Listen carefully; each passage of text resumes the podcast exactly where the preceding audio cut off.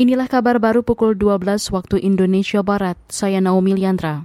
Kapolri Listio Sigit Prabowo meminta seluruh anggota Polri untuk menghindari pelanggaran-pelanggaran, khususnya hal yang mencederai rasa keadilan masyarakat. Menurutnya, setiap pelanggaran yang dilakukan akan menurunkan rasa kepercayaan publik pada Polri. Secara khusus, Listio mengingatkan agar seluruh anggota Polri tidak segan dan tidak ragu-ragu menolak perintah atasan yang dianggap salah.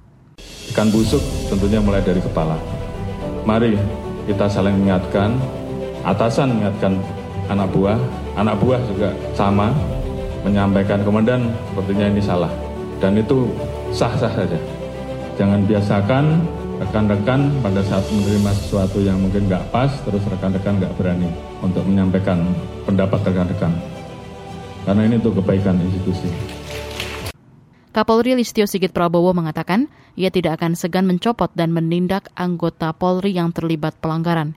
Listio berharap seluruh anggota Polri bebas dari masalah judi dan masalah masyarakat lainnya. Apalagi saat ini negara tengah dibebani masalah-masalah serius terkait kejahatan kekayaan negara. DPR melakukan pertemuan dengan Parlemen Finlandia untuk membahas berbagai masalah, terutama masalah global pasca pandemi dan krisis global akibat perang. Ketua Grup Kerjasama Bilateral GKSB DPR, Mercy Christie Berens, mengatakan DPR RI telah membahas berbagai isu ekonomi, energi, dan digitalisasi bersama Parlemen Finlandia unstable situation karena uh, geopolitik uh, Ukraine dan uh, Rusia, dia memberikan uh, implikasi yang sangat uh, luas sekali ya dalam sektor ekonomi, dalam berbagai sektor. Tadi kita membicarakan tentang perkuatan-perkuatan kerjasama. Yang pertama di sektor ekonomi, bagaimana bisa meningkatkan investasi dan perdagangan yang menguntungkan kedua belah pihak dalam berbagai sektor, antara lain sektor yang berkaitan dengan renewable energy, sektor infrastructure, kemudian uh, sektor digital. Ketua Grup Kerjasama Bilateral DPR RI, Mercy Christie, juga menyebut pertemuannya dengan perwakilan Parlemen Finlandia Joachim Strand adalah untuk memperkuat kebijakan masing-masing dalam tugas keparlemenan dari sisi anggaran dan program-program unggulan. Hal ini menurutnya penting karena parlemen juga menjadi bagian penting untuk menentukan suatu kebijakan negara.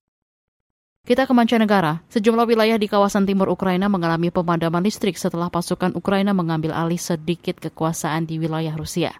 Dikutip dari AFP, Presiden Ukraina Volodymyr Zelensky menuduh Rusia menjadi dalang dari pemadaman total di timur Ukraina itu. Menurut Zelensky, Rusia ingin menutup akses warga dari listrik dan pemanas. Listrik pemadam terjadi usai pasukan Ukraina mengklaim telah mengambil kembali lusinan kota dan desa di timur Ukraina. Sementara itu, pejabat Ukraina lain menyebut militer Rusia telah menyerang infrastruktur vital di kota Kharkiv. Pejabat Ukraina menuding pasukan Rusia bertanggung jawab atas pemadaman listrik di sejumlah area lain. Saudara, demikian kabar baru KBR. Saya Naomi Liandra undur diri.